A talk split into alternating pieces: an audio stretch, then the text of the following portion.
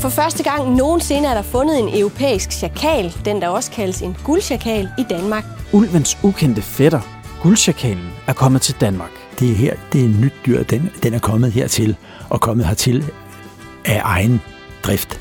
Og i denne episode følger vi fodsporene på dyret, som ingen rigtig troede på kunne dukke op i den danske natur. Det er lidt vildt, fordi de forekommer jo på Balkan. Og det bliver en blodig rejse med dramatiske drab. Man kan se, at der er øh, blod øh, på halsen. Obduktioner. Og så skærer man den op fra den ene til den anden ende. Og lidt af en sensation. En biologisk sensation af de helt store har fundet sted i Lille Vildmose. Det giver sig selv, det er ikke noget, der virkelig sker hvert, hvert århundrede. Så derfor er det en, øh, en meget stor ting, synes jeg. Dette er Miljøstyrelsens podcast, der står en puma i min have. Denne gang om Danmarks nye rovdyr, guldsjakalen.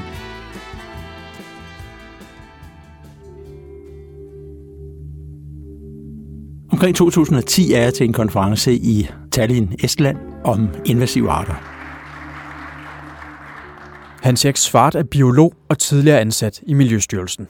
I 2010 er han samlet med sine kolleger fra Nord- og Centraleuropa. De bruger konferencen til at informere hinanden om nye arter. Så vil vi gerne vide, hvad der er sket i, i vores nabolande alle sammen, for på den måde at være forberedt på, hvis nu denne her nye invasive art, der optræder i det ene land, så kan nabolandene være lidt forberedt på, at denne her art kan være på vej til os. Den estiske kollega fortæller så, at i Estland, der har man fået indberetninger om noget, som øh, jægerne i Estland kalder for syngende ræve. Myndighederne har så fundet ud af, at øh, der i virkeligheden er tale om øh, guldsjakaler, som er lever i fri natur i Estland. Hans Erik og hans kolleger er overrasket. Guldchakaler lever ikke så langt nordpå. Guldchakaler i Estland, det hænger ikke rigtig sammen. De er ikke en art, der forekommer der. Den, den forekommer på Balkan. Men så siger vores polske kollega, at øh, i Polen har de faktisk også oplevet, at der har været enkelte guldchakaler. Og på den måde så er det ligesom, nå, okay, det, i Estland og i Polen, det var sjovt, men så er der nok tale om, at øh, det måske ligesom i visse kredse kan være blevet moderne, hvis man kan kalde det det, at holde guldsjakal, og at øh, de så er stukket af fra folk. Og det er den afslutning, vi, vi kan sidde med der efter møde, at øh, vi kan holde øje med det, men de jo er jo nede på Balkan, eller i hvert fald det sydlige, så det er ikke nogen, vi normalt har her hos os. Indtil for få år siden var en guldsjakal ikke noget, man overhovedet kunne forestille sig på vores breddegrader. For guldsjakalen led langt væk fra Danmark. I et bælte fra Asien over Mellemøsten til det sydøstlige hjørne af Europa, blandt andet på Balkan. Men så i løbet af de sidste årtier begynder guldchakanen lige så langsomt at bevæge sig længere nordpå fra Balkan. Den spottes første gang i Tjekkiet. Typowym e, drapieżnikiem średniej wielkości. e, Så i Schweiz, Østrig og Tyskland. Goldschakal taucht in Deutschland äh, neu auf, den gab es vorher hier nicht. Inden de tre baltiske lande og Polen alle rapporterer om guldchakalen. Og så, en efterårsdag i 2015, får vi det endegyldige bevis på, at en guldchakal har betrådt dansk jord. Og det hele starter med en bil, der rammer et dyr. På en mørk landevej ved Karup i Midtjylland sker der en påkørsel i juni 2015. I Karup, der er der et dyr, der er blevet kørt ihjel. Hans Erik Svart, han husker tydeligt, da han som medarbejder for Miljøstyrelsen får besked om det påkørte dyr. Det ligger i vejkanten, og der kommer en mand forbi, som øh, tænker, det her dyr, der ligger der, det ser fint og helt ud, og det kunne han egentlig godt tænke sig at få udstoppet. Han øh, samler det op og bringer det til en konservator. Hos øh, konservatoren der er så også en dyrlæge, der kommer til at se på det, og dyrlægen mener så, at det er en amerikansk øh, prærieul. De kan i hvert fald godt se, at det er et dyr, som man ikke kender fra dansk natur. En prærieulv er absolut ikke almindelig i den danske natur. Derfor vækker fundet også stor opmærksomhed blandt biologer, hvor der hurtigt opstår tvivl omkring, om det overhovedet er en prærieulv. Der tages en DNA-prøve for at slå fast, hvad det er for et dyr. Prøven viser, at der er tale om en guldchakal. Men der er det karakteristiske ved denne her guldsjakal, at det er en han, men den har ikke nogen testikler, så vidt dyrlægen kan se. Så det vil sige, at der er sandsynligvis tale om et øh, fangenskabsdyr, som er blevet kastreret. Hans Erik Svart og Miljøstyrelsen sender dyret til obduktion, og her skal det vise sig, at der venter lidt af en overraskelse. Men først, lad os lige blive lidt klogere på, hvad en guldsjakal overhovedet er for et dyr. En guldsjakal er et dyr i hundefamilien. Den ligner et klon mellem en ulv og en rev. Den bliver typisk 45-55 cm ved skuldrene. I snit vejer den 11-12 kg, hvilket vil sige, at den vejer cirka dobbelt så meget som en almindelig dansk rev. Som navnet indikerer, er guldsjakalen gylden i dens pels, dog med en markant mørk farve på ryggen og den buskede hale. Og mens ulven, da den vandrede ind i Danmark igen, vendte retur efter mange års fravær, så har guldsjakalen aldrig levet i Danmark før. Den døde guldsjakal bliver sendt til obduktion. Her skal man have undersøgt det, man indtil nu ved, nemlig at det er en guldsjakal, en han, som er kastreret. Obduktionen foregår på DTU's Veterinærinstitut på Frederiksberg i København. Det vi har liggende her, det er sådan set øh, blæren, som øh, ligger her. Stemmen her tilhører Marianne Kriel. Hun bliver interviewet af DR, da hun obducerer den trafikdræbte guldsjakal i 2015. Og øh, så har vi øh, sædstrengene, som går ud her i begge sider. Og øh, en af de store spørgsmål, vi jo har haft med den her, det er, om den var kastreret eller ej. I dag er Marianne Kriel specialkonsulent i Miljøstyrelsen. Hun husker tydeligt, hvor medtaget den uheldige guldsjakal var. Den har altså kendetegn på at være kørt over med, med masser af, af brud på knoglerne på bagparten. Og dermed så øh, ses der brud af, af bækkenknogler og af, af bagbenene. Og vigtigst af alt, så sker der et afgørende fund. Den fortæller så også, at, øh, at det har været et, øh, kan man sige, større sammenstød, fordi de testikler, som øh, burde have ligget nede i pungen på, på dyret, de var simpelthen øh, mast op i baglårsmuskulaturen og sad deroppe i. At guldsjakalen bevisligt har sine testikler, ændrer alt. Den har altså ikke tidligere været under kniven hos mennesker, og dermed kan man konkludere, at Den sandsynligvis er en vild, der er vandret ind. Det er jo første gang, det er sket, så, øh, så, så det er jo øh, en øh, kæmpe sensation. Det synes jeg er meget vildt. Fordi det er virkelig et dyr, som overhovedet ikke har været her før, og som bare pludselig er til stede i, den, i, i dansk natur. Ja, kommet lidt ud af det blå, kan man sige. Det, at der kommer øh, nye arter ind, øh, vandrende fra op igennem Europa, øh, det siger måske også noget om, at naturtilstanden i Europa, øh, den giver bedre plads til nogle af de store rovdyr. Det er nu en interessant anden biologisk hændelse, der er sket, det er, at øh, guldsjakalen har bredt sig ikke kun til på østsiden af Østersøen, men nu altså også på vestsiden og er kommet op i Jylland. Så guldsjakalen har virkelig bredt sig så langt mod nord, som den jo næsten kan. Men en ting er en enkelt død guldsjakal. Noget andet er et bevis på, at der er levende guldsjakaler i Danmark. Efter man finder en guldsjakal, der er kørt ihjel, så er det klart, så tænker vi, okay, er det her bare et dyr, der i al ubemærkethed har bevæget sig op gennem Jylland og, og nu tilfældigt er blevet dræbt, eller skulle der være flere? Vi får jo ikke nogen guldsjakal af, at der kommer en ind i landet, og så øh, dør den eller udvandrer igen. Men beviserne begynder langsomt at dukke op hos Hans Erik Svart og Miljøstyrelsen. Næste gang man, man finder en guldsjakal, så er det i øh, Vildmosen, hvor der er nogle ontologer, der står og, og ser på fugle, og som så opdager en guldsjakal. Så der ser de et, et levende dyr. Observationen sker i 2016 i Lille Vildmose. Det er et stort naturområde på østsiden af Jylland mellem Randers og Aalborg. Senere i 2016, så bliver der taget nogle billeder af en guldsjakal. Og det er så de første officielle billeder, vi har af en guldsjakal i Danmark. Det er første gang, at det lykkedes at fange et billede af en levende guldsjakal i Danmark, og den slags betyder begejstring og travlhed i vildmosen. Man ser dyret, om man så må sige, ansigtet i, i profil. Den spidse snude antyder i hvert fald, at der er tale om en guldsjakal. Man kan også se farverne på siden af den. Det er heller ikke farven, som, som en øh, ulv har, men, men, men med de mere gyldne farver. Og billederne har så været sendt til forskellige eksperter, som har, har kigget på dem, og, og guldsjakal-eksperter har så konkluderet, at der er tale om en guldsjakal. Det er ekstra særligt, altså. Vi har gået herude og kigget efter elge, og nogen snakker, måske er ulven her, måske er den ikke. Og så er det pludselig guldsjakalen, der kommer, som, øh, som jo ikke har været set i, i live i Danmark, og, og tager overskrifterne. Det er, jo, det er jo dejligt. Nu er der taget et billede af en. Så øh, var der vel nok Det er en, en god indikation af, at, at der jo altså var mere end en. Vi ved ikke, hvor mange, men øh, nu har vi da fået et billede af en levende. Vi havde en død, nu har vi så også en levende. Og endnu et interessant møde med en guldsjakal starter med et højt. Og så i 17, så bliver der faktisk skudt en øh, guldsjakal, og jægeren indberetter selv, at han har skudt den, og det er en fejltagelse. Ja, for jægeren troede, han havde en rev på sigtekornet, da han trykkede på aftrækkeren. Men det viste sig at være noget langt mere interessant.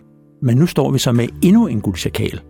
Guldsjakalen skydes ved Torsminde, et område på den jyske vestkyst, hvor ulven også holder til. Vi får også undersøgt, om det skulle være en søskende til den døde, vi allerede har haft, fordi er det, er det sådan to eller nogle stykker, der har vandret sammen med den søskendeflok, eller ej? Men det er det ikke. Det er ikke søskende, der er, er vandret, viser det sig.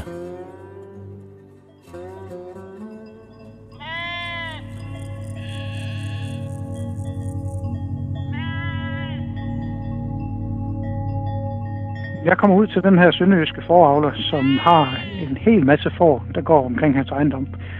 Og øh, han siger noget grødebetingende. Han har et, et dyr, der ligger herude på marken, han gerne vil have mig til at kigge på. Thomas Iversen er ulvekonsulent for Naturstyrelsen.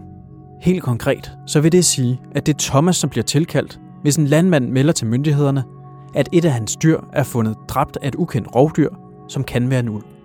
Thomas skal så afgøre, om det rent faktisk er en ulv, der har slået husdyret ihjel. Det første angreb, som Thomas bliver kaldt ud til, er hos en foravler ved Ejl i Sønderjylland.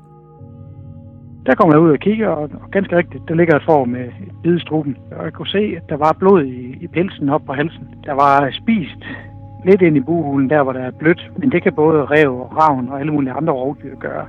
Det tyder jo på, at der var noget, der havde dræbt den i hvert fald. Og øh, jeg synes jo ikke rigtigt, det lignede noget, jeg har set før. Thomas går i gang med hans undersøgelse af det dræbte dyr. Det første, han gør, er at flå skinnet af dyret, så han bedre kan se bidmærkerne. Altså, det er sådan, ulden, den er så tyk, så det er ikke altid, man kan se, at der er blod i ulden, eller at der har været et bid, men det kan man altså se, når skinnet kommer af, så kan man se, om der er blødninger eller strukturskader i kødet. Og, øh, og der kunne jeg så se, men det var faktisk ikke andre bid, end det ene bid, der var i halsen. Det sad til gengæld også bare på strubehovedet, hvor det var knust, og den var forblødt. Så den har haft en hurtig død. Så det fortalte mig lidt om, at det har været et dyr, der, der er god til at slå ihjel, der ved, hvad den skal gøre. Et dyr, der er god til at slå ihjel. Ja, den oplagte gerningsmand i sådan et tilfælde er en ulv. Men De bid, jeg fandt op ved struben, de var, de var meget svage. Tænderne havde ikke været så skarpe, at de nåede helt igennem huden. Det har været sådan lige i, i overfladen af skinnet, der var nogle skader.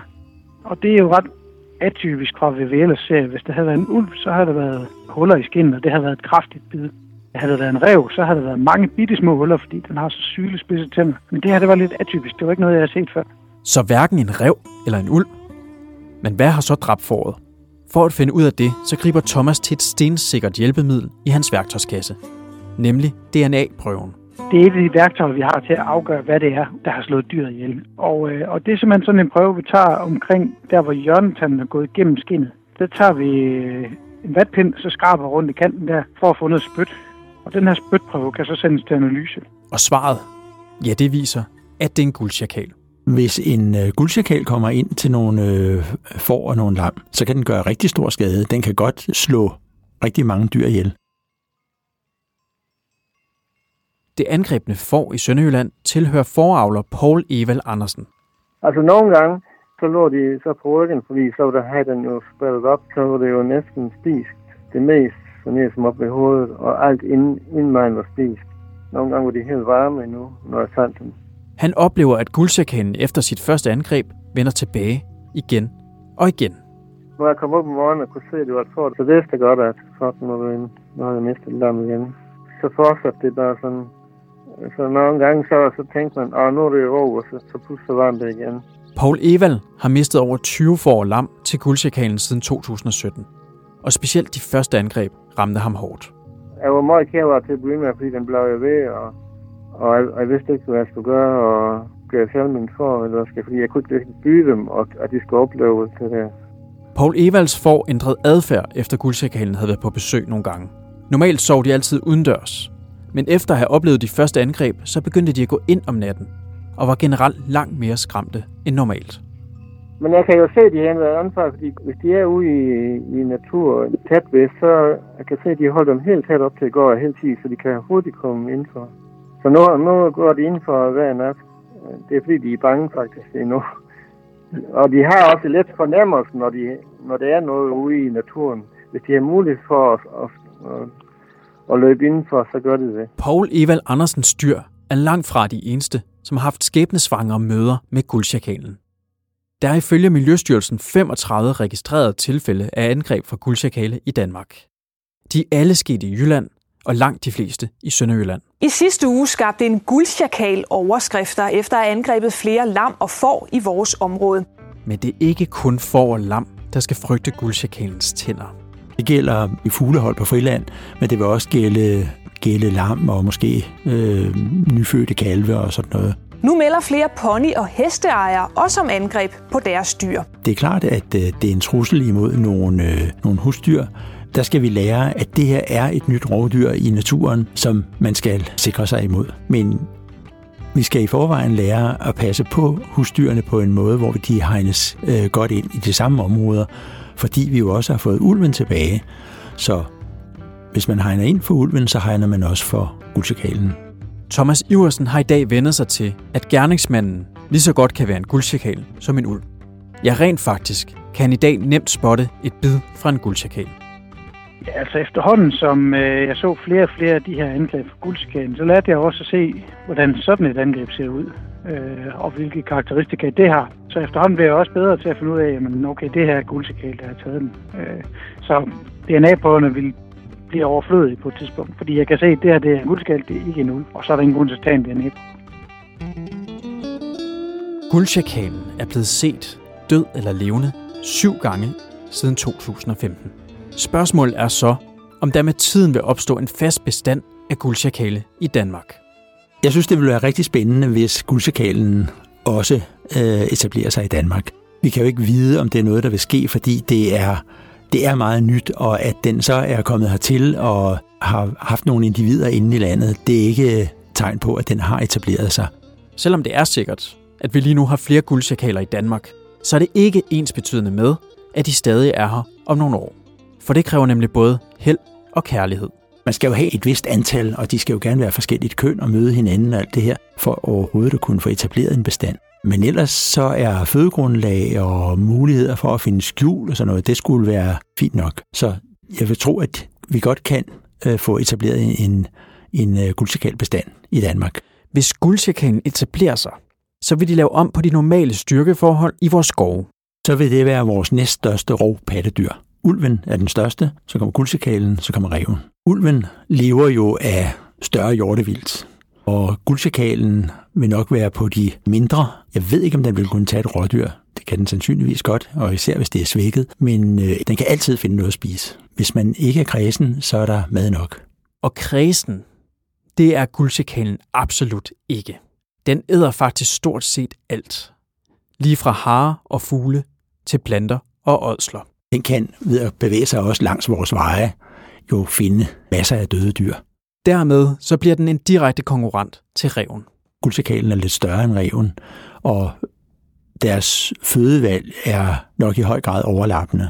Så det kan være, at revene nogle steder vil blive presset lidt af, at øh, der er guldsikaler, men øh, nok ikke sådan, at det er noget, der ændrer på fødekæderne i øvrigt. Indtoget af guldsikalen laver altså ikke rigtig om på så meget i den danske natur. Så er det måske mest os mennesker, som skal vende os til et nyt rovdyr i Danmark. Vi skal selvfølgelig finde ud af at leve med den, men hvis vi kan finde ud af det, så synes jeg også, at det er et, et spændende at, at have denne her nye, nye dyr i vores fauna. Og endelig, så kan du jo også risikere at møde en guldchakal på søndagsturen i skoven. Hvis man møder en guldsjakal i skoven, så skal man ikke frygte den. Den angriber ikke, men hvis den bliver truet eller trængt op i en krog, så ved man jo aldrig, hvad sådan nogle... Det er trods alt et rovdyr, hvad den kan finde på. Men man skal selvfølgelig heller ikke prøve at løbe efter den, eller på nogen måde få, få fysisk kontakt med den. En ting er sikkert. Guldsjakalen er i Danmark, og den er selv vandret ind over vores grænser. Og det er sket cirka samtidig som dens noget mere berømte fætter, ulven. Men dengang stjal ulven al opmærksomheden. Og det er synd og skam. For ifølge Hans Erik Svart, så er guldchakalen en langt større sensation. ulven genindvandrede. Ulven har været her og været her for øh, nogle hundrede år siden, og så genindvandret. Men, men øh, det er ikke det, der er tale om med denne her. Det er her, det er en nyt dyr. Den, den er kommet hertil, og kommet hertil af egen drift. Det giver sig selv. Det er ikke noget, der virkelig sker hvert, hvert århundrede. Så derfor er det en, øh, en meget stor ting, synes jeg. Og her, i bagklodskabens klare lys, har Hans Erik Svart en interessant mistanke. Altså guldchakalens udseende minder jo rigtig meget om en ulv. Og det kan jo ikke undgås, at man kommer til at tænke på, om nogle af de observationer af ulve, der er blevet gjort i de foregående år, i virkeligheden har været guldchakaler. Så den er på den måde gået under radaren, og jeg kan sige forklædt som ulv.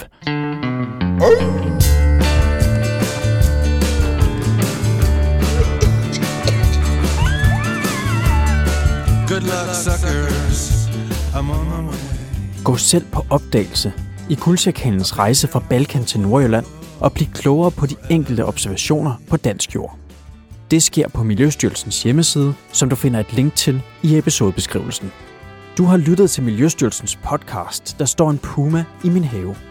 En podcast, hvor vi dykker ned i nogle af de mest mærkværdige dyreobservationer fra den danske natur. I næste episode kan du glæde dig til en noget mere kendt hovedperson, nemlig ulven, der genindvandrede til Danmark efter flere århundreders fravær. Dette er en podcast produceret af Kontekst og Lyd. Mit navn er Mads Christian Hede.